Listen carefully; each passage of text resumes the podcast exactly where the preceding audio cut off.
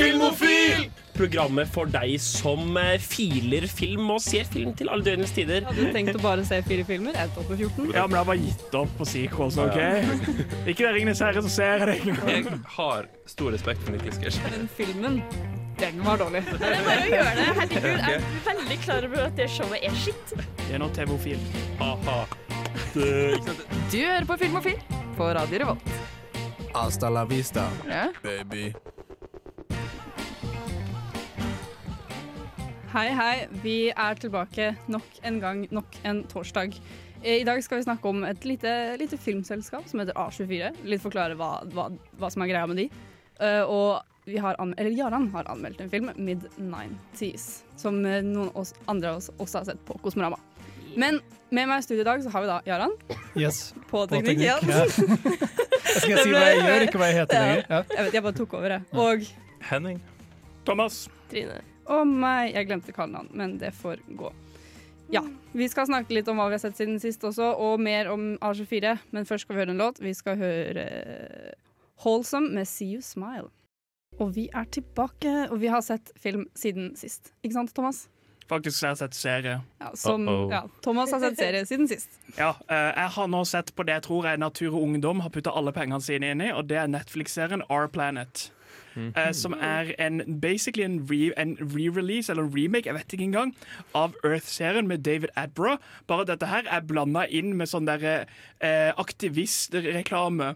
Så jeg, sånn, jeg setter meg ned, jeg skulle fly hjem og var sånn, nå skal jeg kose meg. Jeg skal se sånn på isbjørn, jeg skal kose meg. Nei, nei, nei, planeten smelter. Hvert sånn fjerde minutt er sånn, koselig dyr, vi kutter ned skogen. Koselig dyr, vi kutter ned skogen. Koselig dyr, vi brenner ned verden. Og snart er de døde. Det, det var liksom, det var sånn, jeg, jeg måtte bytte episode for den første episoden, bare fikk meg så jævla deppa. Men er det David som har uh, Ja. voiceover? Ah. Og det er skikkelig trist, for du tenker liksom, nå skal jeg bare liksom drømme meg vekk om planter. These animals are dying in the millions. This ecosystem is being destroyed. Og du sitter der bare OK. Um, og så sitter jeg jo på et fly som slipper ut ekstremt mye CO2, så jeg bare lukker den og bare Dette er din beste etterligning så lenge jeg har vært her. Ja, det var- det var en god etterligning. Takk, takk, takk. Eh, Det er en av mine drømmer å bli han når han dør. Så er det liksom BBC, hvis dere hører på dette norske studentradioprogrammet, call me up når han dør. Ja, og så skal du ta over hele verden, og så skal verden dø, og så skal du også dø. Nei, nei, bare, bare, jeg skal bare ta over Earth. Som i TV-serien, ikke verden. Okay, ja, Jeg tror du må slå til ridder først. Nei, jeg tror han gjorde det først. Jeg tror ikke det var sånn han ble ridder, og så fikk han en Netflix-serie. Jeg vet at Netflix kaster penger på mye, men jeg tror ikke det er sånn de velger å kaste pengene sine.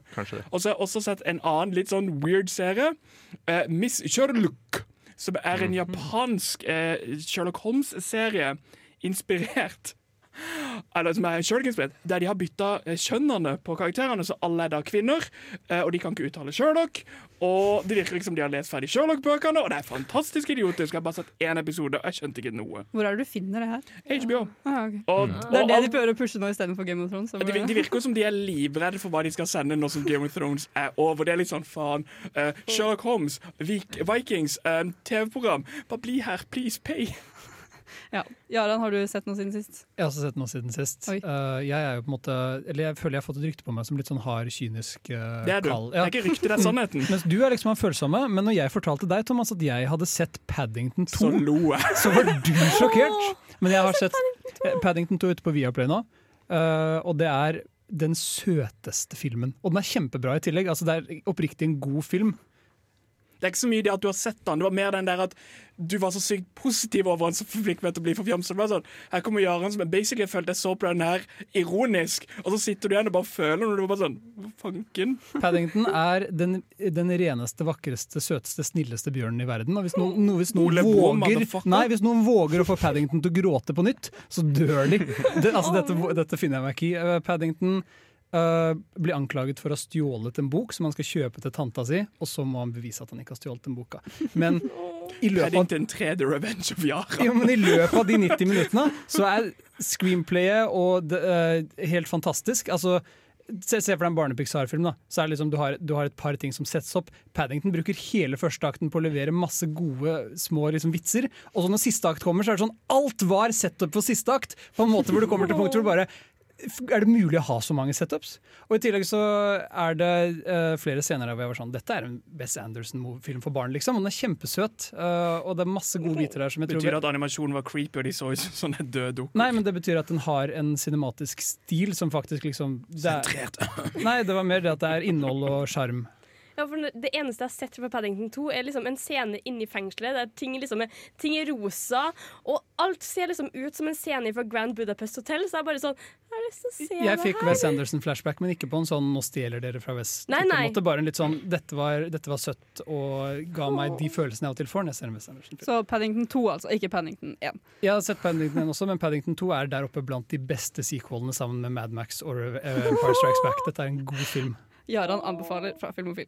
Vi skal også snakke om hva jeg og Henning og Trine har sett siden sist, men vi skal høre en låt også. eh, The Garden med Thy Mission.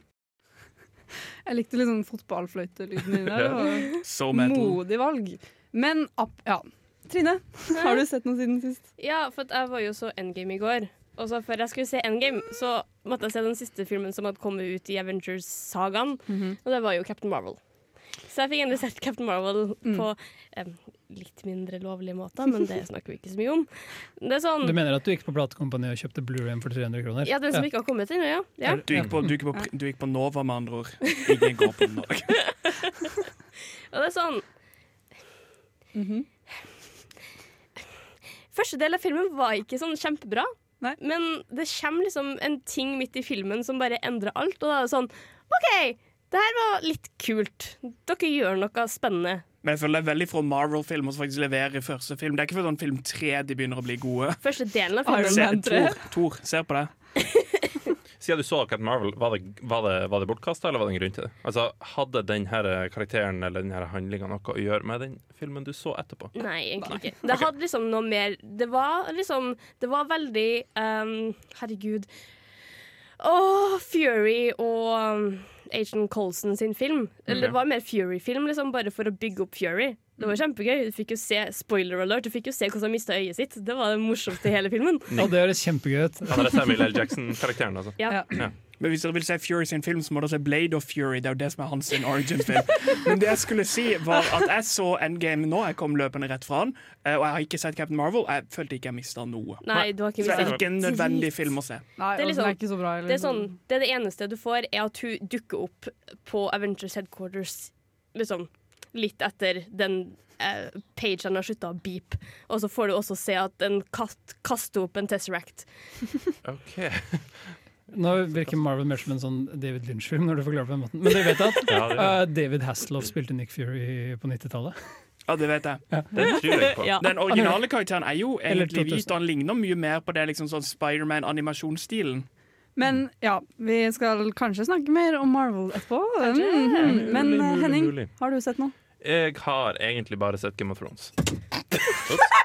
Der falt det noe ned fra veggen. i Studio ramler faktisk ned rundt Ja. oss. Har, Så hva skjedde i dagens episode, eller Jeg har- Jeg har ikke kommet så langt. Eh, jeg begynner å se serien opp igjen. Jeg begynte for to-tre uker siden. Jeg og kjæresten min ser fra episode én, sesong én. Du kan la det ligge.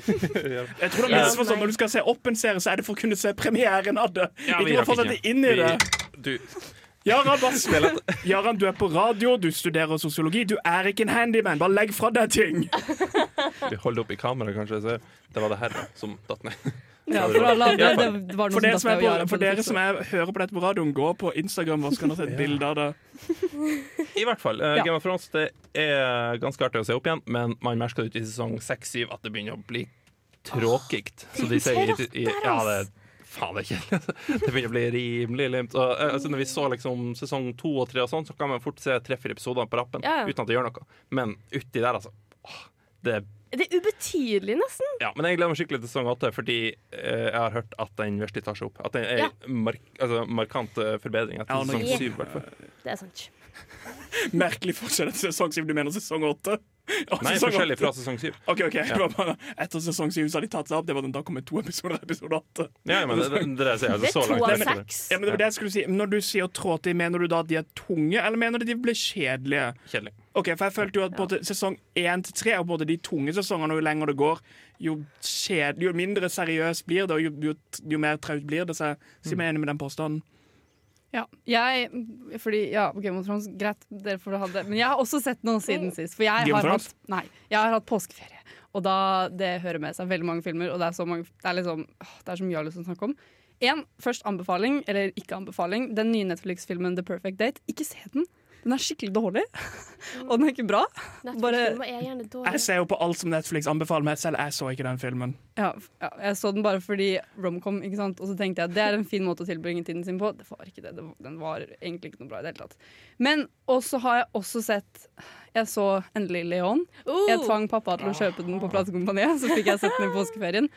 Og den var skikkelig bra. Ja.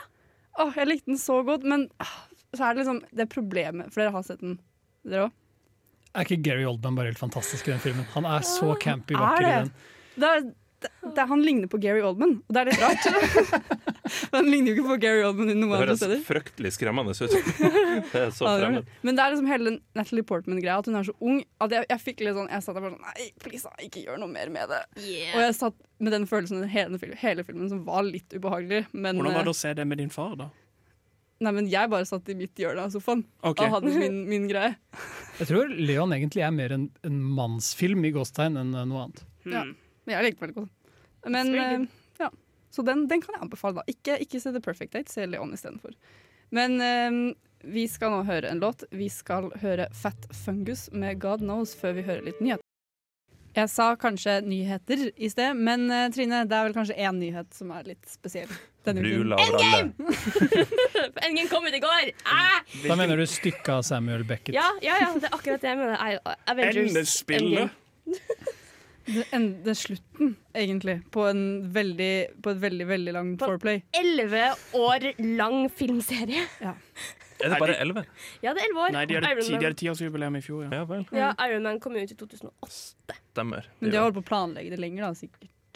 Nei, de vet, ingen vet egentlig det, fordi de har jo prøvd en stund, men så var det ingen som tenkte det før liksom type Avengers kom ut, at liksom dette var målet. Eller, det var jo for så vidt bygd opp fra The Incredible Hulk, fordi det var noen Jo. som kom og snakka om bare Gi The Avenger Initiative! Ja, for, for de små uh, akkurat, Det er nesten som easter eggs. Eh, Ja. Avengers-teaserne er veldig tidlig i Marvel-universet, og så har det heller blitt mer sånn Da var døra åpen for det, hvis Ja. de skulle tjene nok penger. Og så har de åpenbart lykkes. Skal, vi gå for dette, folkens? Skal vi? Skal vi? Så Skal vi? gjorde de det. Hmm. Men vi skal, prøve, vi skal snakke litt om Endgame. Men vi Vi skal, skal ikke spoile. ikke spoile, fordi det er bare douche siden filmen kom ut i går. Men det er verdt å nevne at tre av dere har sett Endgame allerede. Ja. Det er ikke ukas anmeldelse, men dere har jo noen tanker. Og vi, øh, kan vi bare spørre med en gang om dere vil anbefale filmen? Ja. Kommer helt an på. For, dette, for, dette er ikke, for dette er som Infinity War. Dette er ikke en film. Dette er en avslutning på en serie. Ja. Det er litt, å anbefale den her som en film er litt som å anbefale deg å se siste episode av Game of Thrones. Det er, sånn- jo, jo, for det er det samme som å si Vet du hva, du kan gå inn og se episode 9 av sesongen. Du kommer til å sitte der og ikke ane noe. Denne filmen er ikke en film som du anmelder som en film.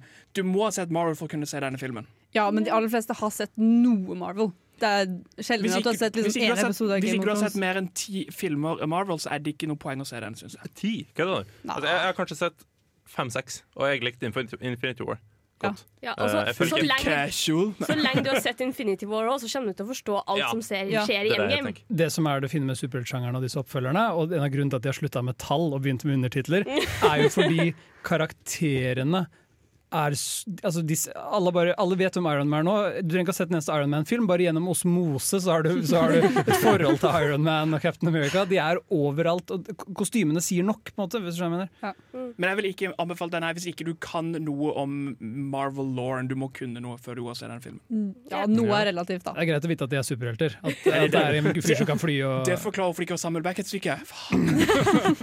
Men det er liksom, jeg må si at Endgame har en ufattelig sånn tilfredsstillende slutt. Å, det er så For- tilfreds... Jeg ble så glad. Alle som liksom Du ble så tilfredsstilt. Jeg ble så tilfredsstilt. Det, det, det som ekstra tilfredsstillende for oss Marvel-fans Jeg er en Marvel-fan, jeg òg, sjøl om jeg har vært veldig, veldig Jeg hakka hakka livsskiten ut av alt som heter Marvel. Men det er liksom, jeg merka det når jeg satt i kinosalen, så våkna den lille fanboyen inni meg og bare Oh my god, ja!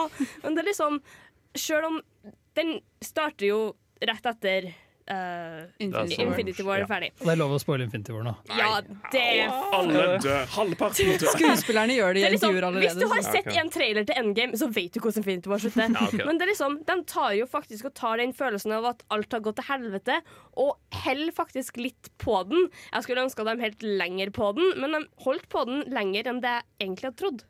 Det er det som er, den er jo bygd opp i tre akter. Akt tre, fantastisk, det er der avslutninga. Akt én litt svak. Akt to relativt OK. Akt tre, fantastisk.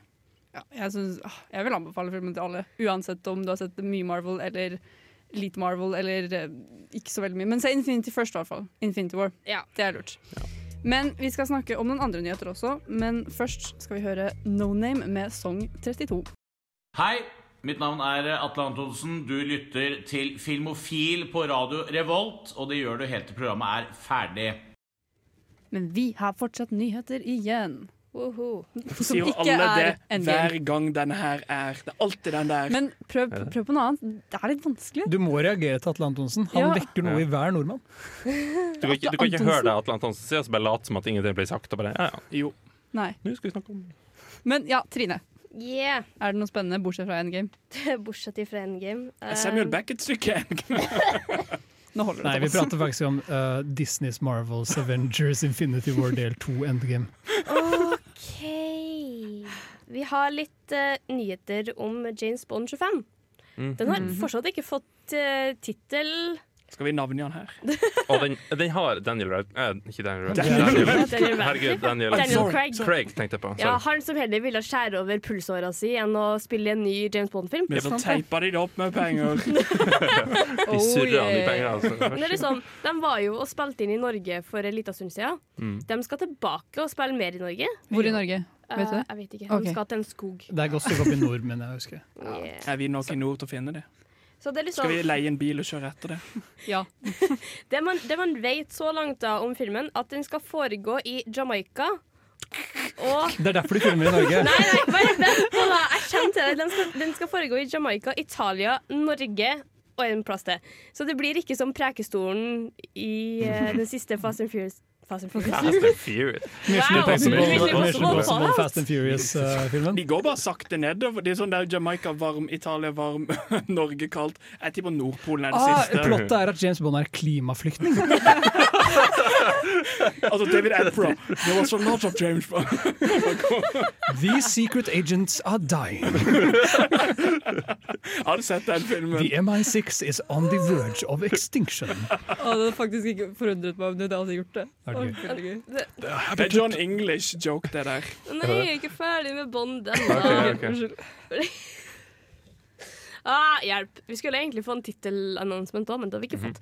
Uh, Rami Malek er nå han skal offisielt spille skurk yep. i den nye Bond-filmen. Ja, men det Hva? Det er jo Fred, applaus. Mercury-skuespilleren. Han, er Ja. han er jo perfekt. Men nei, fordi jeg har litt Han er problem med dette her. Fordi jeg føler han er liksom Tom Holland. At det ser ut som han har en frosk i munnen hele tiden. At jeg klarer ikke å ta han ordentlig seriøst. men- Nei, men sånn vanlig også. Jeg, føler, jeg klarer ikke å ta han seriøst nok til at han kan spille en sur- skurk, men jeg håper han overbeviser meg. Din tvil, har du sett han i showet Mr. Robot? Mhm. Nei. Fordi ser. Rami Ja. Malek er helt fantastisk i det showet, og han kan spille eh, ka- ka- ka- karakterer med indre konflikt. Han kan spille outsiders og folk som kan være litt creepy. Og jeg har lyst til å minne dere på Javier Bardem, som var det beste med Skyfall, Yeah. uten tvil. Og det er fordi denne fyren var ekkel Ja. i Skyfall. Jeg tror Remy Malek klarer å være ekkel. De har også fått en skuespiller som ligner litt på Javier Bardem. Så det er liksom, Oh. lurer på om kanskje får en litt sånn sønn Å, det er det James Bond-franchisen trenger minst! Men You killed my father, Mr. Bond! Prepare to die! jeg, jeg, føler ikke, jeg føler ikke han kom til en god skurk i eh, James Bond 25, Miljøflyktningen. Uh, fordi han, han, er, han virker for hyggelig. Jeg ser ikke for meg han liksom kutter strupen på noen og går Ja, vekk. det Jeg føler han sier 'unnskyld'. I'm terribly sorry. Liksom, Han er for britisk glad dude til å ta altså, Han sier 'unnskyld' når han tar over verden, føler jeg. Jeg tror ikke dere verdsetter rekkevidden til Rami Malek, og det er fordi dere ikke har sett Mr. Robot. Det er bare Jeg har sånn. sett det. Nei, det har Du du har jo ikke det hvis du, synes syns han, er- hvis du syns han er hyggelig og har sett Mr. Robot, så er det jo Han altså, har bare issues. Han er flink til å spille sånn der nerd. Hvis ikke han har dårlige sånn, kommunikasjonsevner, så er han ikke flink. Hvis du tok at han var en nerd fra Mr. Robot, da har du ikke sett Mr. Robot. Vi har fått en Det er lite som skjer på filmfronten. Uh, MTV Movie og TV Awards har fått seg en host. Det skjer, altså Dette er Agurknytt, filmofil Oh yeah! Sommeren er ikke her ennå. Um, Zachary Levi skal hoste MTV Movie. Mener du skuespilleren kjent fra Shazam Ja, og eller Sex og singelliv? Og Sex og singel? Er han ikke i Sex and the City, eller blander jeg med han annen? Jeg tror du blander, for jeg tror ikke han levde når du Men Sex and the City for meg er Spiller også i Chuck, som er en av de beste TV-seriene som eksisterer. Når vi snakker om han, Jeg skjønner ikke hvorfor han ble bøs. For han går bare med den drakta. De kunne bare padda han. Han hadde ikke trengt å bli bøs for den rollen. Jeg skjønner ikke hvorfor han har trent så mye, for han ser bare weird ut. Det var dette Thomas satt og tenkte på under hele Shazam. Det var det. Hvorfor gadd du å være så bøff? Så Thomas og spiste popkorn. Liksom, han, har jo han har jo basically blitt en sånn liten hulk, men så har han bare på seg drakten. Så det føles liksom som Dette er noe de kunne gjort i, liksom, i, i bare drakten fra før. For han ser bare weird ut utenfor drakten. Ja. Hvis du har nyheter du vil Filmofil skal ta opp, så kan du ringe meg på 99572653, for dette er ikke nyheter. Det er ikke Nei, det sto på Reddit. Det sto på Reddit. Ok, da Nok om det. Vi går videre her i Filmofil, og vi skal høre da en låt av Magnus Berg med 'I'm In Trouble'. Men nå har vi vel snakket nok Svada-film. Nå skal vi gå over til den saftige biten av sendingen, nemlig temadelen, som vi har valgt å vie til Filmstudio A24. Og i den anledning så har du anmeldt en film, Göran. Jeg anmeldte det, film, eh, det er kanskje greit å si fra på den at flere av oss i studiet har sett den, for den gikk Ja. under Kosmorama. Noen av oss har Mm. levd gjennom den. Ja, Nå er den ute på Oi. kino, og den heter Mid-90s. Mm. Radical! Wow, dude. Wow! Husker du 90-tallet? Husker du skateboards? Det gjør skuespiller Jonah Hill. Du vet han morsomme fra Wolf of Wall Street, ikke sant? Hey, hey, y'all not supposed to be around here. Get the fuck out. Hey, the little nigga with the Toys R Us badge, come here. can't say nigga, I don't think. You fucking Sheryl Crow looking motherfucker. Mid-90s er en film som helt åpenbart finner sted sent på 90-tallet, men samme det. Vi følger Stevie, spilt av unge Sunny Sulj... Sul- Suljik? Sul- What's up? My name is Sunny Soljic. I play Steve mid 90s. Stevie befinner seg i den magiske alderen mellom barn og tenåring. Du vet den alderen hvor du plutselig begynner å utagere mot foreldrene dine og få bank av storebroren din på en daglig basis. Yo, room, Stevie. Stevie gjør det de fleste barn før internett gjorde med fritiden sin. Han henger. En dag bestemmer han seg for å prøve å henge med de eldre, kule skateguttene i nabolaget, og dette blir starten på en uforglemmelig sommer hvor både Stevie og resten av skatecrewet lærer ting om seg selv, det å vokse opp og ikke minst vennskap. This is awesome. I've never been in a car without someone's mom or dad before. You're so cute. You're like at the age before guys become dicks. Yo, what the fuck? Til tross for at filmen finner sted i en veldig spesifikk setting, i et veldig spisset miljø, så klarer den å gjøre det alle filmer om ungdom burde. Den finner noe universelt og gjenkjennbart i karakterene sine. Så selv om det er plenty av skating, er dette fortsatt en film for de av oss som gjorde andre ting med ungdomstiden vår også. Det bør nevnes at alle de unge skuespillerne gjør sterke prestasjoner, og det føles aldri noe mindre enn ekte. Dette hjelpes også av god dialog, som også er skrevet av John Hill, men det er dessverre alt jeg har å si om skriptet som er positivt. For ellers er dette ganske standard for denne typen fortelling. You think you're pretty cool. Your ghetto ass friends. You good? You think you're tough and shit. You're just a little fucking kid. A lot of the time, we feel like our lives are the worst. But I think if you looked in anybody else's closet, you wouldn't trade your shit for their shit. So let's go. Som regissør virker det som Jonah Hills sterkeste side er med skuespillerne. Filmen er ellers ikke spesielt imponerende, og jeg er ikke helt sikker på hvorfor valget ble tatt i å filme dette i såkalt 4-3-format, med store, sorte bokser på begge sidene av skjermen. Dette er jo en konstant påminnelse om at du ser på film, og det tar gjerne bort fra de mer realistiske elementene ved filmen. Men vil jeg anbefale Mid-90s? Liker du skuespill og menneskelig drama, er denne filmen verdt å se.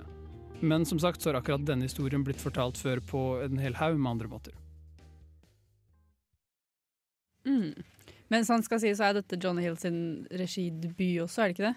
Jo. Det stemmer. Mm. Så det at det er hans debut, vil jeg si at det er en sterk start. Men ja, så- men med tanke på at han er en fyr som har så mye erfaring med filmskaping Du må huske Ja. at Han har vært skuespiller for Martin Scorsese, og liksom han har virkelig sett de beste som har jobbet bak kamera. Mm. Og han er nok en skuespiller som har vært litt involvert i prosessen. Så er det sånn Husker de, dere som også har sett den, var det liksom noe dere tenkte bare Wow, dette er jo en veldig kreativ måte å fortelle denne historien på. Der har du gjort noen modige valg her. Mm. For det er en veldig realistisk film. Ja, det er sant. Eh, og den 4-3-format som jeg nevner, er litt sånn Ja, det gir en hjemmevideofølelse til det, men han filmer det akkurat så cinematisk at du mister den hjemmevideofølelsen av det. Ja.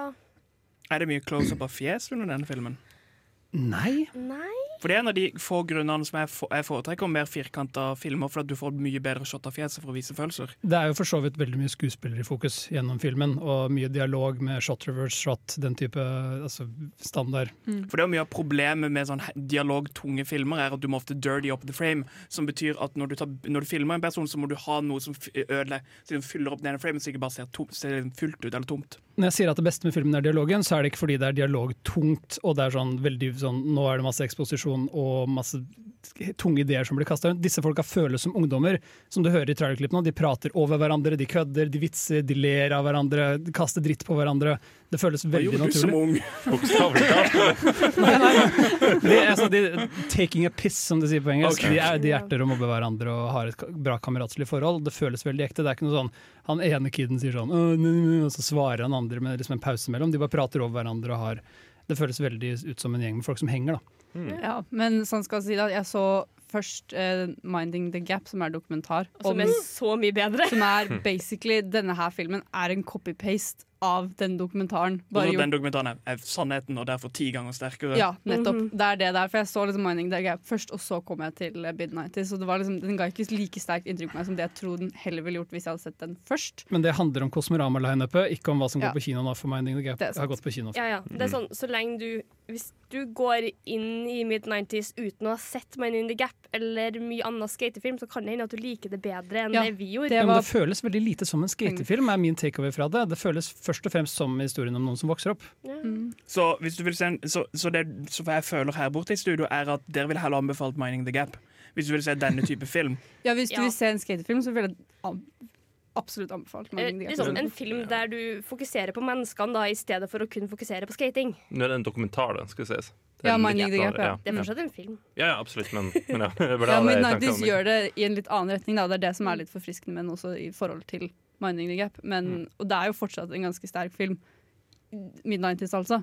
Men ja, sånn som Jaran sier også, det blir litt Skal jeg være helt ærlig, så er det Jo mer jeg tenker på slutten av Mid-90s, jo mindre husker jeg den. hvis det er mening. Det er sånn, Ja. Å ja, vennskap er bra. Mm. Jeg føler liksom at jeg har glemt alt av filmen, bortsett fra én spesifikk scene som bare har brent seg fast i hodet. Er det skateulykke? Nei, det er bare det. Jeg tror jeg vet hva du snakker om, og ja, det trenger vi egentlig ikke heller å snakke om. Bare se filmen, kanskje. Kanskje. ja, men eh, vi skal snakke videre om eh, ja, tema, tema A24, som Mid-90s er en film som har blitt laget av av- Jeg vet ikke hva jeg sier. Vi skal høre en låt. Vi skal høre Toy Savoy med 'Something New'.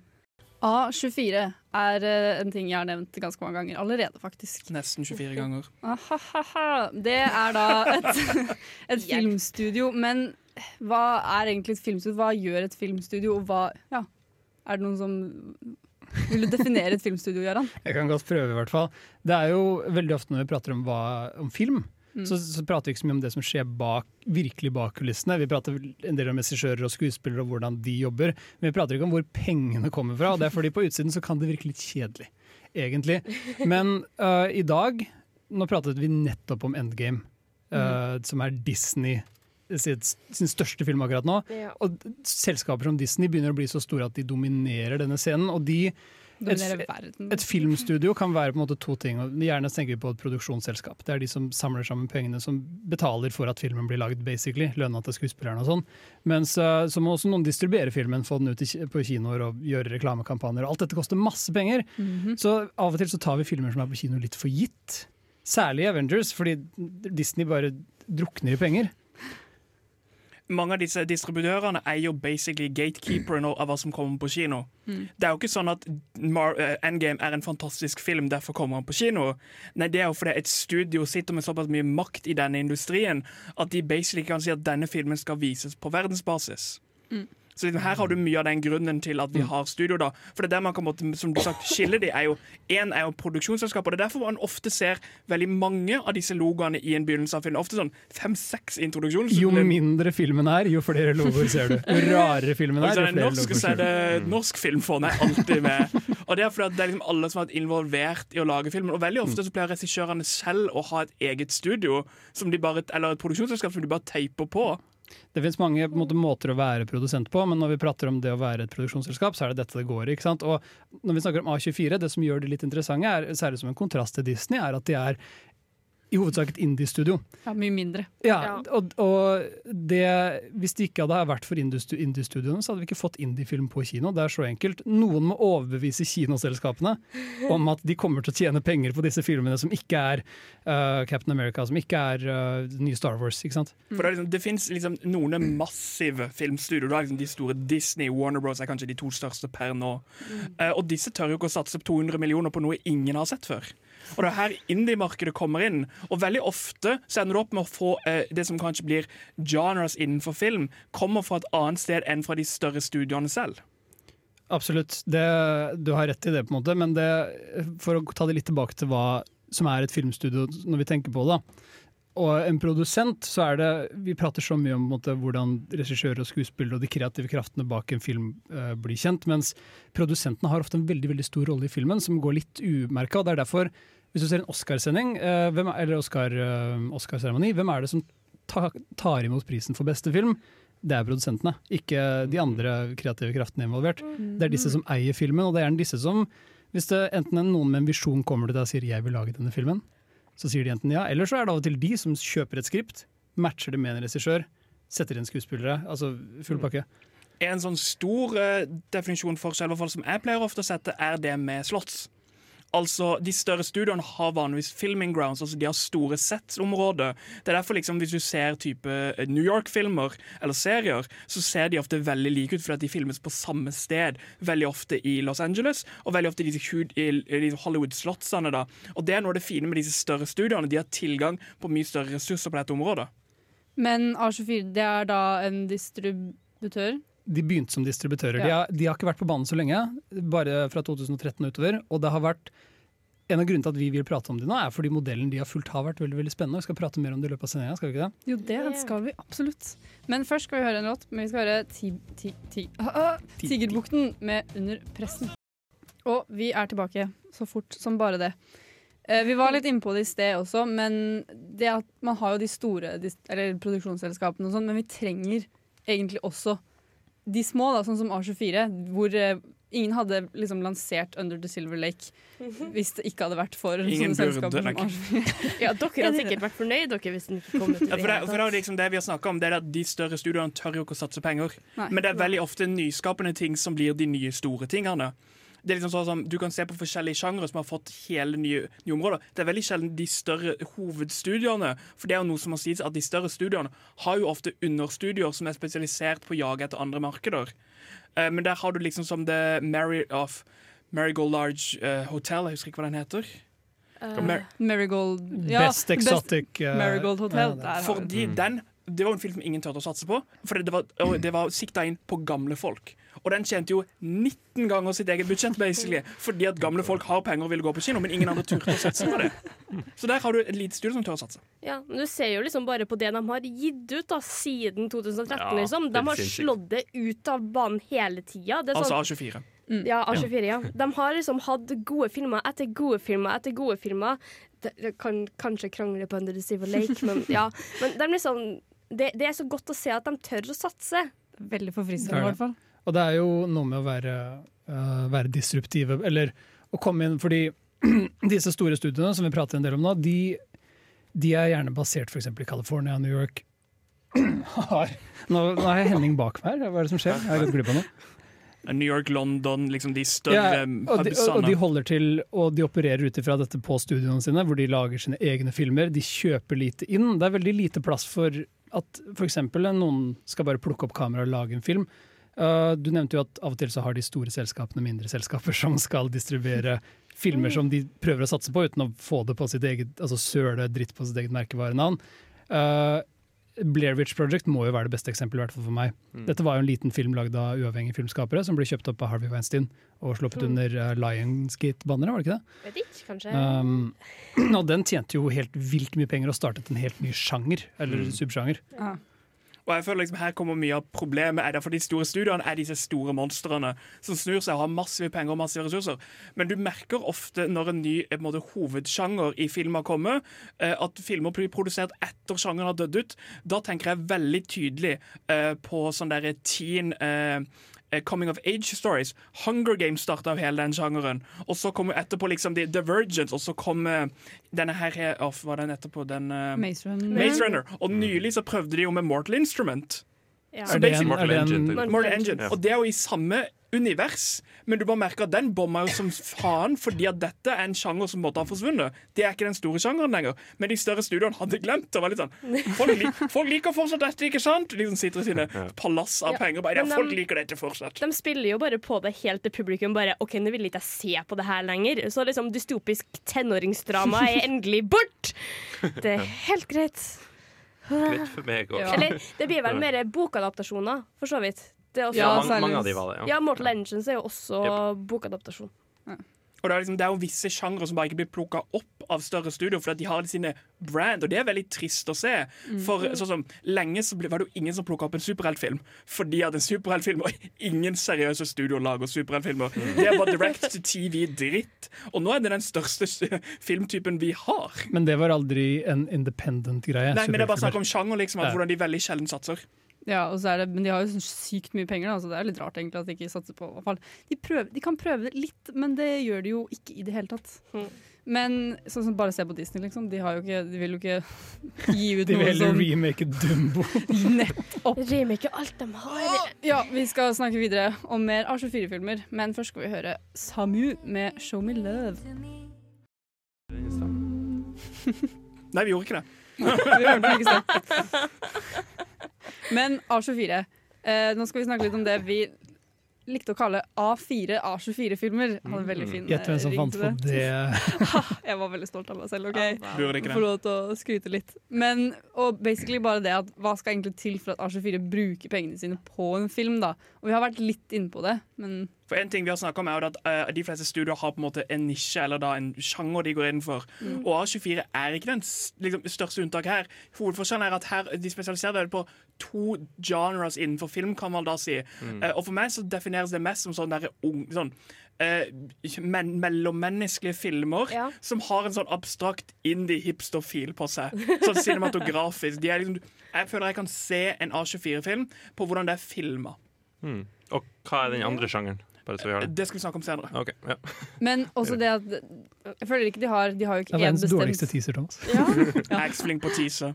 De har jo ikke en bestemt sjanger de følger, men de følger jo et mønster. Man ser jo det at de satser. Det gjør de, det har vi snakket om også.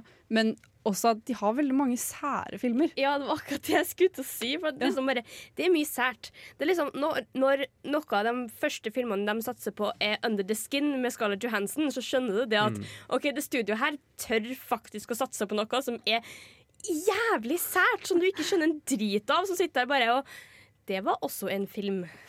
Det du får inntrykk av, er at dette Jeg vet ikke hva de heter, disse som er eh, jeg tror det er tre-fire stykker, som, er opp, som gjør opp eh, styret i A24.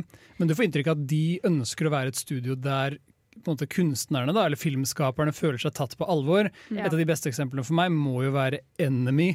Eh, som var et sånn lidenskapsprosjekt for Jake Gyllenhaal og Denis Villeneuve. Ja. Uh, som er en veldig veldig liten film fra regissøren bak nå, Blade Runner 2049. Men han har ikke gjort så veldig mye, da. Nei, men det, dette var et det, Altså, hvis jeg skal lage et såkalt abstract, en logline for Enemy, så tror jeg ikke du ville rørt den. Som er en mann finner ut at han er en dobbeltgjenger, og han ser store edderkopper overalt. og det er sånn, hvorfor skal, hvorfor skal noen lage denne filmen? Men det, det at måte, filmskapere og kreative sjeler kan ha, få den backingen da, og få så mye kreativ kontroll på Ja. prosjekter som er små, det virker som det er den typen profil de har lyst til å ha. Og da risikerer du å få litt weird shit, men du Oh, risikerer også å få gull. For at du merker liksom Dette er nok et studio som er født ut av eh, storstudiomentaliteten. Jeg tror det er et studio som ble født ut av at folk var lutleie og basically ble på en måte prakka på ganske dårlige, ganske mainstreame manuser. Og hadde lyst til å på en måte gå og slå, slå ut vingene og få lov å prøve noe nytt. Og, få lov, og det er det jeg tror er liksom appellen til de store navnene som jeg snakker om. Eh, Denise de, de, de, de, de, liksom, Blade 24 jeg, selv om jeg var ikke noen fan av den, så kan jeg ikke si at det ikke var en storsatsing av en film. Eh, og det er veldig gøy å se hvordan disse er når de faktisk får lov å jobbe med skuespillere og jobbe med den stilen de har lyst til, så lenge det er weird. Men det de også gjør, er at de tør å satse på ny, helt nye folk, sånn som type Jonah Hill og Bo Burnham. De har jo vært med å lage eller, vært med å gitt ut eh, Eighth Grade, for eksempel. To coming of age-filmer som uh, Og 8Grid er jo et kjempegodt eksempel på dette i sånn mikrokosmos, rett og slett. Fordi Mm. Eighth Grade gikk på Kosmorama. Ja. Og da var det ingen som ville vise Eller den skulle ikke vise seg her i Trondheim, i hvert fall, på kino. Nei. Men fordi den var så populær på Kosmorama, så sa kinoen i Trondheim Vet du hva, da vil vi vise den en liten stund. Og nå går den på kino i Trondheim. Og det er, det er på en måte sånn filmdistribusjon funker, da, når du ikke Mm. er et stort studio som kan bare si her er vi med filmen vår, og den kommer til å tjene milliarder av kroner. Det er også lurt å si at de ofte partner opp, og én tar utenlandsdistribusjon, og så tar en Amerikadistribusjonen. Ja. Sant nok. Det Jeg hadde noe å si, men jeg glemte det òg. Men vi skal høre en låt. Vi går videre etterpå, vi. Eh, Vi skal høre Masa Solo med 'You Got That Something'. Den eh, endte veldig brått. Ja. Ja. Men uh, vi er her. Vi, skal, vi ga dere en hjemmelekse. Eller eh, Trine og Jaran ga dere en hjemmelekse. Ja. Ja, det var sånn Det brukte vi ett sekund på. Ja, bare sånn, Hva faen skal vi ha? Ah! Men det var en veldig bra hjemmelekse, for dette er en film Det er altså Room som var hjemmeleksa, og det er en film absolutt alle burde se. Det er helt fantastisk, i hvert fall, det syns jeg. da Med mindre du sliter film. mentalt i dag, skal du få lov å slippe å se den. Ja, Ja. for du kommer til å sitte og Eller du har blitt kidnappa. Ja. jeg tror, ikke, jeg tror ikke kidnapperen din lar deg Altså, se hvis, filmen. hvis, hvis du har kidnappa noen, så tar du ikke med den filmen til dem, for det er bare douche. Og så, jeg vil se på en film, ja, her har du Room! Men OK, Room Ja, han, handler da om Bree Larson, si, eller Brie Larson sin karakter, Der, ja. som har blitt kidnappa for et par år siden og har fått unge i et sånn lite skur. Mm. Filmen handler vel mer om ungen som er spilt av Jake et eller annet. jeg ikke husker navnet på. Jacob Tremblay. Eh, og Det er jo basically hans sin film, og det er det som er så sykt med denne filmen. For at Barneskuespillere er en av de to vanskeligste tingene å jobbe med når det kommer til skuespillere. Uh, det og dyr, for du kan ikke be, du kan be de gjøre noe. Ja. Prøv å be en hund liksom. og det er så fantastisk, for at du har, følger han, og hvordan han oppdager denne verden, og tror at hele verden er dette rommet. Han tror at hele verden, og det er Fordi når filmen åpner, så er vi, det er hans perspektiv vi begynner fra. Ja. Han har en liten voiceover hvor han liksom 'Dette er rom', Ja. og rom er der jeg bor. Og så lærer vi egentlig gjennom hans øyne, så må vi bare tolke at OK, moren hans har vært kidnappa, og han er antagelig resultatet av kidnapperen som har forgrepet seg på Ja. Ja, Så dette er ganske dystert. Det er ordentlig dystert, men det er så sykt pent filma. For det var noe du merker veldig tidlig. Er for at hvordan de har valgt å filme det, er det at de er all, ingenting er aldri det samme shotet. For han så er dette hele verden. Så når du er på kjøkkenet, så er det bare film av kjøkkenet. Altså den lille veggen. Og når det er klesskapet, så er det bare film av klesskapet. Men i den scenen, når de kommer tilbake Spoilers. Dette er jo hjemmeleksa. Ja, Det er lov. Når de kommer tilbake, og du ser at hele rommet er filma i ett enkelt shot over skuldra Ja.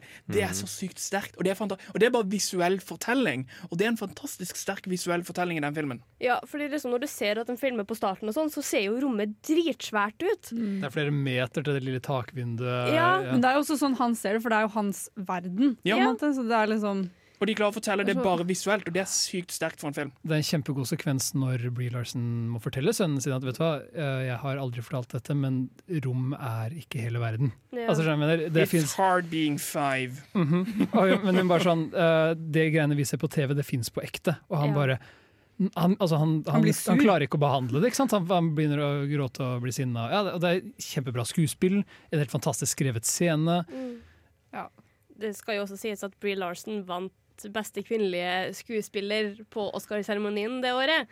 Når Room, var, når Room kom ut, og det er helvetes det for sent! mm. Fordi det er en sånn tannscene inni der som bare får meg Ja, til å til, til å ha lyst til å er rive ut alle tennene mine og bare Jeg trenger ikke tenner lenger! Det går bra! For det er jo en ting som irriterte meg ordentlig mye. For dette var jo en av de sine ordentlige satsinger på Oscar, og faktisk klarte å levere det. Og nå prater vi om A24, for det er, A24, det er studio som kjører Oscar-kampanjen. Mm. Mange tenker at Oscaren bare er sånn naturligvis for dette nominasjonen, men dette ligger det penger og tid bak fra produsentenes side. Det kommer vi tilbake til, skal snakke mye om men jeg er irritert på at han kiden ikke fikk en nominasjon, og, re- og at regissøren ikke vant. For det å klare å regissere kids på den måten For den filmen ene og alene faller på den ungen. Ja. Brie Larsen kunne vært så fantastisk. Hadde de vært en dårlig kid, så hadde den filmen vært liksom, kutta. Og at han klarte å jobbe med det, og det var det året han vant for Revenant. Og når du har Leonardo DiCaprio til å jobbe, så, og være liksom, da kanskje en av de beste film, eh, cinematografene du har, selvfølgelig får du et bra produkt. Denne filmen ble snubba, er sint. Det uh, Room er et ganske godt eksempel på uh, veldig god, altså, uh, velutført uh, method acting. For de tok faktisk den ungen når han var to år gammel og stengte han inne i et rom i en så, så holdt de ham med med bil. Nesten over grensa, Henning. De gjorde faktisk ikke det. Vi, kan, vi har ikke lov til å kødde med sånne ting. Oh, fy Du, faen. de Han var tre. OK, ok, sorry. Nei, nei men uh, kongefilm. Absolutt fortjent. Brie Larson. Uh, skulle ønske det var en uh, beste, altså Oscar for beste barneskuespill. Ja, Problemet til at han ikke ble nominert, var basically bare det at de ikke nominerer barn i mannlige Ja, hovedrollen. Du kan ikke trykke inn Ja, for vi har jo hatt en kvinnelig eh, beste hovedrollevinner som var veldig veldig Ja. ung, i uh, Beautiful Nei, hva heter den? Uh, jeg husker ikke hva den heter. Mm. En film som en, et, et, et, eh, jentebarn har vunnet beste Ja. kvinnelige Oscar. Og Ja. den Vi kan komme tilbake til tittelen når Skal- vi har hatt Når Jaran har- faktasjekke. Beast of the Southern Wild eller noe sånt. Beast- Ja! Trine huska det! Å, helt fantastisk. Ja, men Room er film se. Hvis du ikke så den med hjemmelekse, skjerp deg. Se Sett deg den. ned og grin. Det var den beste filmen det året, uten tvil. Ja, helt klart. Vi skal høre Put Your Hands Up for Neo Tokyo med Looking for You. Én, to og topp tre, Trine. Hey, sjelden bra. Ja, takk. Fy faen. Det er det som blir den nye jingeren. Én, to, topp tre. Én, to og topp tre. Jeg må finne det fram. Faen. OK, da skal jeg snakke litt mer. nei da. Nei da, nei da. Det er sånn, når det var A24, Mm. så var jeg sånn Er det veldig dumt om jeg tar topp tre A24-filmer? Kommer litt an på hva du setter Ja. som nummer én, for vi vet begge to at du har en film som ikke vi andre liker. Så jeg håper den kommer på førsteplass. Fordi Ja, OK. Um, på, på tredjeplass så Å, det var det du endte opp med? Hæ? Ja, Ja, okay, det var det jeg endte opp med. Okay. Jeg endte opp med å ta topp tre filmer for at jeg har vært dårlig de siste dagene, og Det er lov. Jenny bare 'Trine, kan du ta deg med?' Okay. Men da får vi snakke mer om filmene. Ja. Yeah. Ok, På tredjeplass har jeg satt Eksmakene. Tredjeplass? Ja, tredjeplass. Hva? Andreplass, Eksmakene.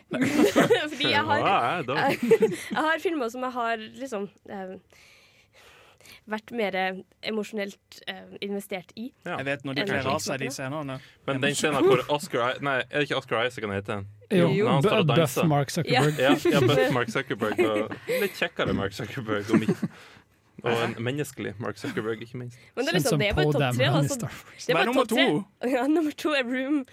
Ja. Jeg hadde egentlig tenkt å sette den på førsteplass, men så kom jeg på en annen film som Nå er jeg veldig spent. jeg klarte å bestille uh, billetter til i fylla.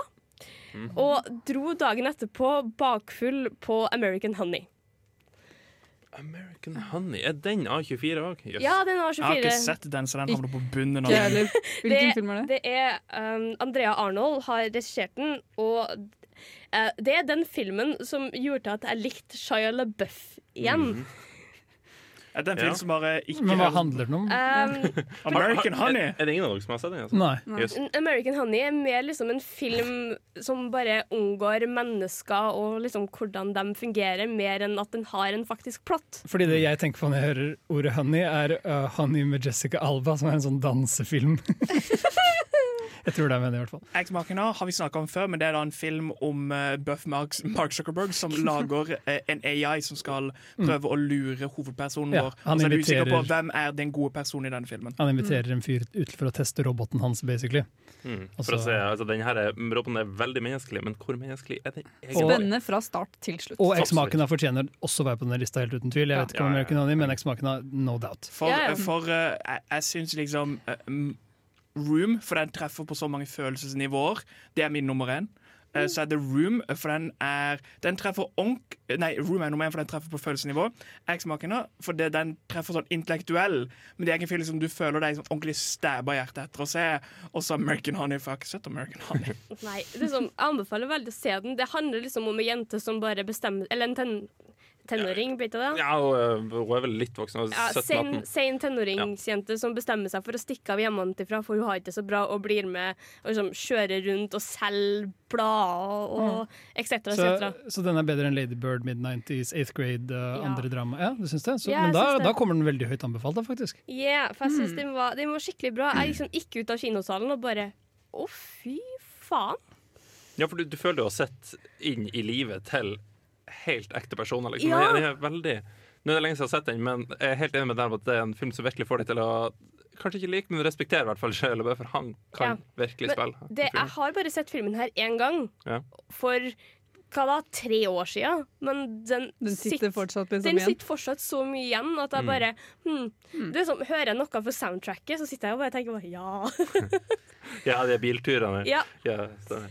Vi- Nei, den er rågod, virkelig. Og, og som, som du sier, ikke sant? det, det er høgskryt at denne filmen kommer på topp av alle filmene til A24, fordi de er jo Mm. så gjennomgående Det er en veldig vanskelig liste å sette sammen i Ja. det hele tatt. Men jeg føler det- Room fortjener plass der, Eksmakene fortjener plass der.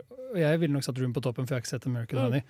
Uh, og så kan det hende vi har glemt noen filmer, da. Men jeg, jeg skal prøve å bytte ut American Honey med uh, The Witch, Mm. som er jeg, jeg lurer på om jeg plasserer den over X-Maken. At det er min andreplass. Oh, ja. Som er Hmm. en av de beste skrekkfilmene laget på veldig veldig lang tid. Og altså, hvis, dere ikke, hvis folk ikke har sett The Witch, så har de gått glipp av et stort stykke sjangerfilm. Hadde ikke turt å se den, for jeg likte ikke skrekkfilm før.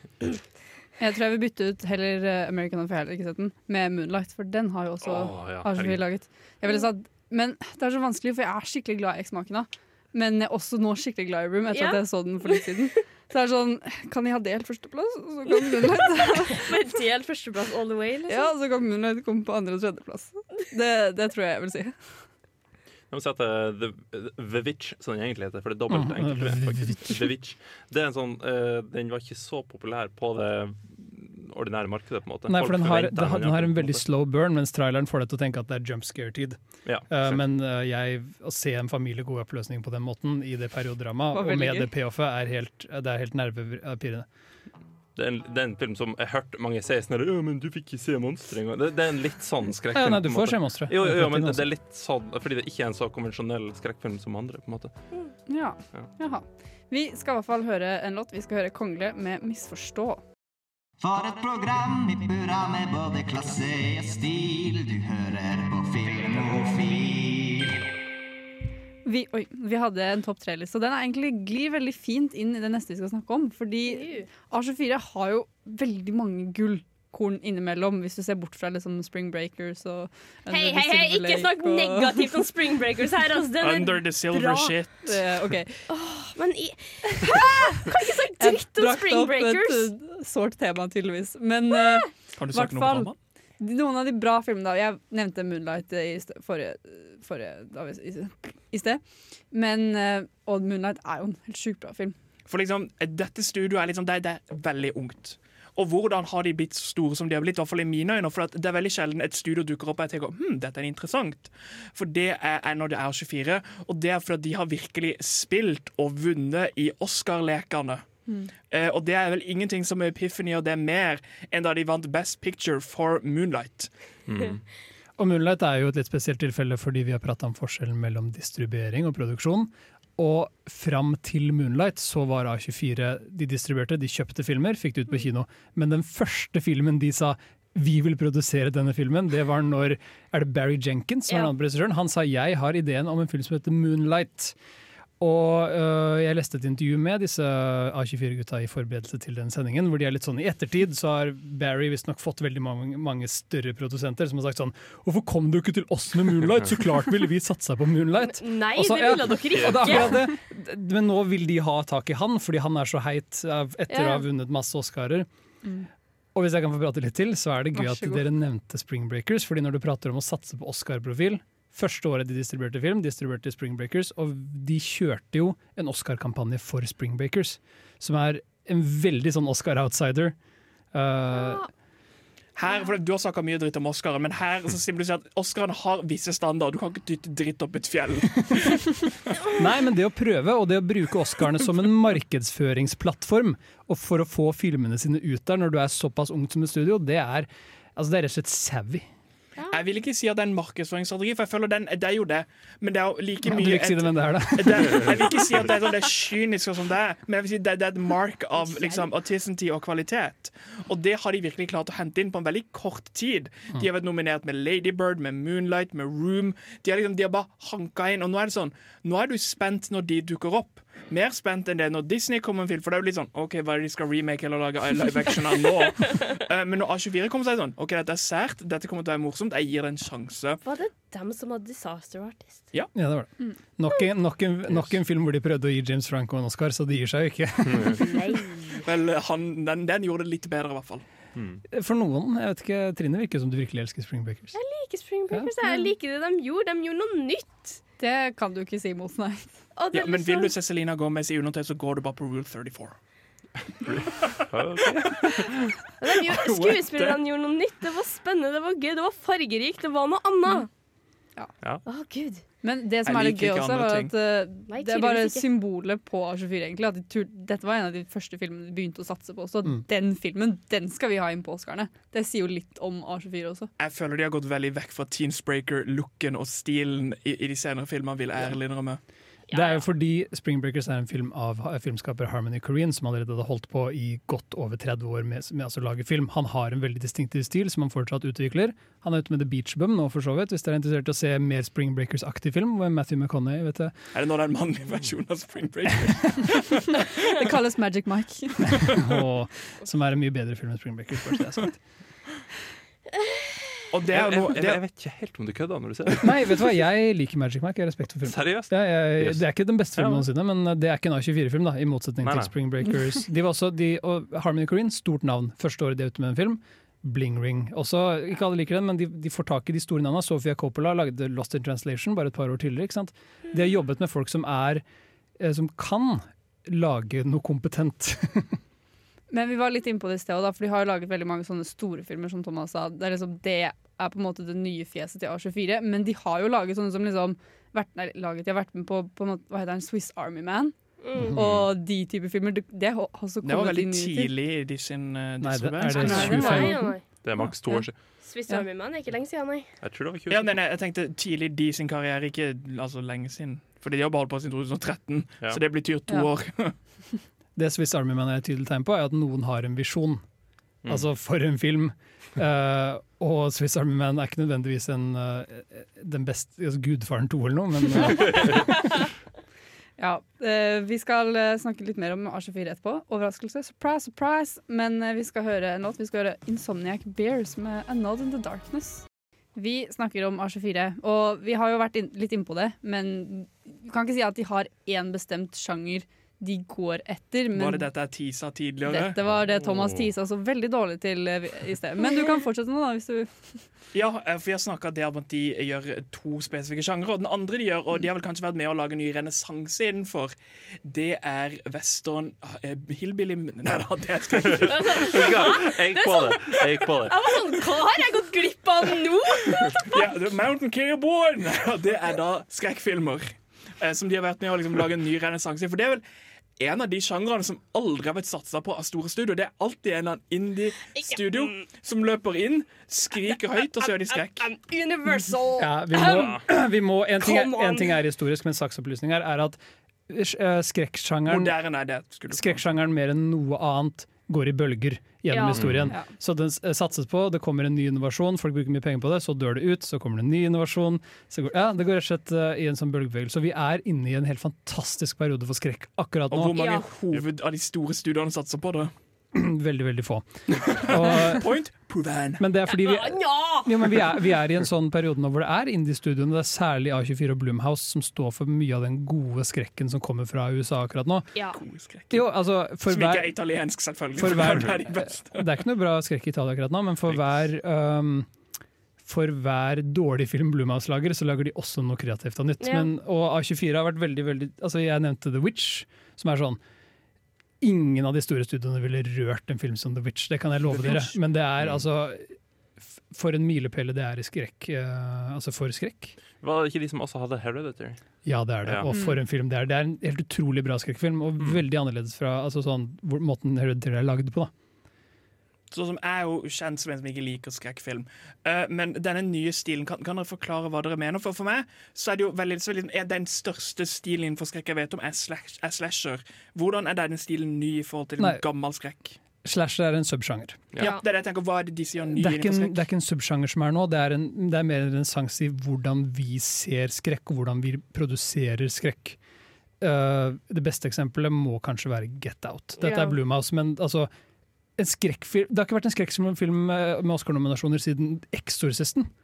Ja, men jeg tror ikke det. Ja, det er Nightcrawler, men nei, ikke Nightcrawler. Uh, Nattsvermeren, aka Ja, det er- det er for så vidt Og det er jo mer en thriller enn en skrekk, vil jeg si. Det er ikke skrekkfilm, det er en thriller. Liksom. På, på den tida så ble det vel kalt en skrekkfilm. Da var det mer Jeg tydelig. tror det var bare hadde ille scener, men igjen tilbake til A24. Mm. For så det A24 er med på, er at her, her tør man satse på og hvis du, Når du prater om slash-sjangeren Det som skapte slasher-sjangeren, er at noen hadde troa på en liten, rar mann kledd i denim med navn John Carpenter. Og nå er vi litt inne i det samme, hvor folk gidder å komme til disse indie Så Folk som er villige til å gjøre noe kreativt med skrekksjangeren. Og endelig bryte oss fri fra found footage. og, og litt sånne slitne spøkelsesfilmtroper. ikke sant? Og torturpornoen til James Wan. Og, og Ja. gå en ny, ny spennende vei, med, hvor, hvor skrekken kan være cinematisk og, og episk og morsom på en helt annen måte. Og så, så interessant. altså Spøkelseshistorier har kommet tilbake på en helt ny og kreativ måte. Ja. Særlig Hereditary er et kjempegodt eksempel på det. For det er jo noe, for det, jeg føler Mye av grunnen til dette er at de mindre studiene har blitt flinkere til å få kontakt med sånn Med studier og sånt. Er det på kino disse kommer, eller er det liksom i de sosiale og internettverden man finner mye av dette gullet gull og gode filmene? Eller kommer, de, kommer disse seg faktisk helt til kinoskjermen her i lille Trondheim? A24 gjør vel det. Det tror jeg. Ja. Det er såpass Ja. anerkjent nå at de her, de her lager gode filmer. Ikke sant? Det er ikke, selv om det er lite, er det ikke ukjent. Annabelle 47. Jeg vet ikke hvor mange. jeg føler det er sånn ni Annabelle-filmer. Ja, nei. Det er mer en sliten del av skrekkfilmmarkedet, tror jeg. Ja, ja. Unnskyld. Vi uh, Ja. Vi skal snakke videre om eh, litt om hva som var videre med egentlig fremtiden. Hva er fremtiden? Ja. Hva blir det? Men først, det, det kan holde på det, men vi skal høre en låt. Vi skal høre Bibio med Old, Old Graffiti. Da sorry, sorry, Aron. My bad, folkens. Teknisk feil her på uh, hvis du hører på podcasten, så fucker han opp litt i sangen. Ja, men det går fint. Vi er glad i deg for det, Aron. Men som eh, den verste teaseren noensinne jeg kom fram med i sted, hva er fremtiden, så mente jeg da selvfølgelig fremtiden til A24. Om det da Fordi A24 har jo til nå vært et ganske relativt lite, lite selskap, da, men er det en god ting at de fortsetter? Hva om de liksom blir, plutselig blir Disney? De jo- Disney kommer til å spise dem opp. Det er jo en fare for at de har blitt litt høye på seg selv nå som de har beste Mm. Oscar uh, Altså at de begynner å Oscar-bate litt, rett og slett, og går for den type filmer. Store dramaproduksjoner ene og alene. Jeg tenker at for Det som er det fine, og det jeg syns de gjør veldig mye, eh, er at de satser fortsatt på mennesketunge fortellinger. Mm. For det er det store problemet med Disney, Warner Bros. alle disse her. At de har blitt altfor avhengig av CGI-fights. Man of Steel og Marvel er vel et store eksempler på dette. her. Jeg tror, ikke noe, jeg, jeg tror ikke det er noe minutt i Endgame som ikke har en eller annen CGI-effekt i seg. Og Ja, det, det blir sant. man litt tung av. En kamerat av meg så når han sa Man of Steel. Siste 40 minutter var bortkastet, for det var jo bare piksler som slår på piksler. Mens disse der holder seg jo ganske sterke i menneskeland. I hvert fall av de filmene jeg har sett. De har noen effekter som i Ex Machina, men det er jo en av de mest menneskelige filmene om roboter vi fant. Ja, de startet jo opp, Selskapet startet jo opp for ikke så veldig lenge, siden, var 2013. 13 er ikke sant? Nei, de starta opp, de, ja, de starta opp i 2012, og så Mm. distribuerte de fra 13. Ja, og det er jo, man ser jo, siden de, ikke, de er ganske unge, men de har fått mye Oscar-hype og alt mulig sånn, men de har jo liksom, i 2019 så uh, ga de ut både Under the Silver Lake, eh, Climax Hvis dere vil lese en filmofilanmeldelse av Climax, så kan dere klikke inn på radiorevolt.no. de tør fortsatt å satse, da. Det er jo for så vidt bra, men plutselig en dag så bestemmer de seg for å bli enda større igjen. Ja, men det er liksom, jeg går jo bare på, liksom, på r slash movies på Reddit, og da er bare sånn A24 kommer med det her, A24 kommer med det her, det her, det her, det her, og sånn. Mm. Åh, wow. Ja, men det, er- det er kanskje det vi kan nevne for den, den gjenge lytter, er at en av grunnene til at vi tar opp dette studiet, er fordi filminteresserte de koker virkelig rundt A24 Ja. eh, nå for tida, i hvert fall. Så Mm. vi får se hvordan den berømmelsen de rett og slett har fått, og den kjærligheten, om de klarer å holde på det, om Ja. de klarer å, å levere til publikummet sitt videre. Vet de hvem publikummet sitt er? Jeg føler de treffer over flere linjer, og det er ganske kult at de tør å gjøre. Men jeg, jeg behandler dette litt som jeg behandler eh, kuratorer på museumer og på kunstutstillinger. Dette er folk som jeg begynner å stole på henter inn gode historier til meg, for det har jeg ikke like mye når det kommer til disse større folkene. Da er det ikke så mye at navnet de sitt gjør meg interessert, men nå har på en måte disse bygd seg så på at det blir liksom et sånn kun, et kult kunsthus. Jeg bryr meg ikke så mye om hvem som stiller ut, men de pleier ofte å hente inn noe kult. Og det, det liker jeg. Jo større de blir, jo større talenter kan de jobbe med, og jo flere filmer kan de slippe hvert år samtidig. De må bare ikke gå for langt og bare ende opp med nei, vi kan bli enda større og bare ja, vi gir ut bare sånne Helt ærlig så tror jeg heller de kommer til å bli kjøpt opp, og det håper jeg ikke de blir. Den Ja, er det er det de må unngå. Ja, det er enten det at de blir kjøpt opp noen, eller så tror jeg at altså, Jeg tror grunnen til at de gjør det så bra som de gjør, at de veldig filmene de gjør, er pga. organisasjonsstrukturen. At de ikke har en massevis av aksjeholdere som de må svare til. Mm. ikke sant? Uh, de, det Disney har gjort, ikke sant? de har holdt seg til det som funka, og det som har blitt kjedelig. Hvis A24 holdt seg til det som har funka for de, ikke sant? så Ja. blir det jo bra. Fordi de går for det ukonvensjonelle, og de, de, de har ei god nese for god film, så de klarer uh, alltid å finne nye filmer, tror jeg, også i framtida. Men det kan hende de blir kjøpt opp, og det hadde vært trist. Det hadde vært veldig trist. For det er jo noe av det gøye om For jeg har ikke sagt så mye økonomi, men det er det som er de har med disse store, tunge CJI-filmene. For da når det koster 300 millioner dollar for å lage en film, så må du tjene jækla mye for at folk skal satse på det. Mm. Når du bare legger 7 millioner inn i en film, som er veldig mye, men det er ikke så mye i filmverden, og tjener 10-20-30, da får du muligheten til å satse på mindre og mer sære ting, for at flere ting kan tanke uten at det skader selskapet som helhet. Mm. Men jeg vil jo si at de fortsatt, selv om de vant Oscar med 'Moonlight', så satser de fortsatt på veldig små filmer med liksom men medmenneskelig, medmenneskelighet, som Thomas har sagt. De fortsetter jo bare å satse på det, så hvis de bare fortsetter med den strukturen at de bare Vi satser på litt mindre filmer, litt mer sære filmer, som 'Under the Civil Lake', som kom Eller som kommer uka her, eller noe sånt, i USA. Så er det litt sånn bare, bare fortsett å satse på det små og litt sære, så kommer de til å klare seg, mest sannsynlig. Eighth Grade er jo et prakteksempel på å satse på en liten film. eh, Ja. altså Bare siste. ukjente skuespillere, en eller annen sånn standup-komiker fra YouTube og Vine. Som har lagd. Men for en film der! Og hvis du er redd for at de har begynt å bli mainstream i noen år, så har de ikke det. For da anbefaler jeg å gå inn og se traileren for How to Talk with Girls at the Party, som bare var Hele konseptet var bare the fuck. Ja, det er vel basert okay. på en bok eller Ja. en tegneserie eller noe sånt. Det er Veldig gøy. Den tittelen var sånn, ja Det høres eh, jeg, har, jeg tror ikke jeg har tenkt å se den. Tror jeg. Du må se traileren, for det er, bare, det, det er ikke noe skrekk. Den er bare sykt Nei, bare- morsom og weird. For du så den som en selvhjelpsguide, og så ble du litt skuffa. Vet du hva, Jeg hater når jeg går inn, og så er det plutselig ikke det jeg er etter. Min liksom femte video som YouTube anbefaler meg, vet du. Ja, jeg håper virkelig ikke de her blir kjøpt opp, men det kan jo at Disney kommer med den store Pac-Manen sin og bare spiser dem opp. Så A24, hvis dere hører på her eh, hos lille Norge, please. A24, don't get bought up by Disney, Nei. please. Gjør det for Filmofil! Ja, Vi vi kjøpte opp av noen andre, da, bare ikke Disney. Det kan bli kjøpt opp av Fox. Nei! Blir kjøpt opp av studentmediene. Så blir vi kjøpt av Disney, så er vi tilbake sammen. Vi kan tilby uh, ingenting. Ikke penger, i hvert fall. Vi kan tilby kjærlighet. Ja, det kan vi. Masse, Plutonisk. Masse kjærlighet. Eh, vi skal Vi er faktisk snart ferdig med sendingen, men vi, vi skal ta et siste farvel. Men først skal vi høre 'Svømmebasseng med aske'. Vi har vært Filmofil på Radio Revolt nok en torsdag, nok en sending. Neste uke så skal vi ta for oss no noe ganske annet. Uh, vi skal ta for oss Stopp! Hammer time. Ja, nei. Åh, vi er, det er sent på kvelden. Det er, det er lov. Men vi skal ta for oss så mye som eh, kostymedrama, eller mer Et sånn historiske periodedrama, da, som også kalles kostymedrama. I anledning en film som kom ut på kino. Yeah. Den heter Mary Queen of Scots. Stemmer. Mhm. Yeah. Ikke Mary and the Scots, men Mary Queen of Scots. Basert på den berømte Monty Python-sketsjen. Jeg har en, det er et skuespillernavn som jeg gruer meg til å si.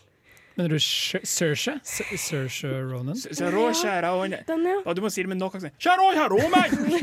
Men hjemmeleksa da blir da Amadeus, så Yeah. den det er verdt å sjekke ut. Med meg i studio i dag så har vi hatt Gøran på teknikk. ja, ja, ja, Henning på uh, sida. Dagens Thanos, Thomas. på enda mer sida, og Angry Bean, Trine. Yeah. Jeg har vært Jenny, og ha det bra. Vi skal høre Mandalai Lamas med Wanna Wanna Wanna.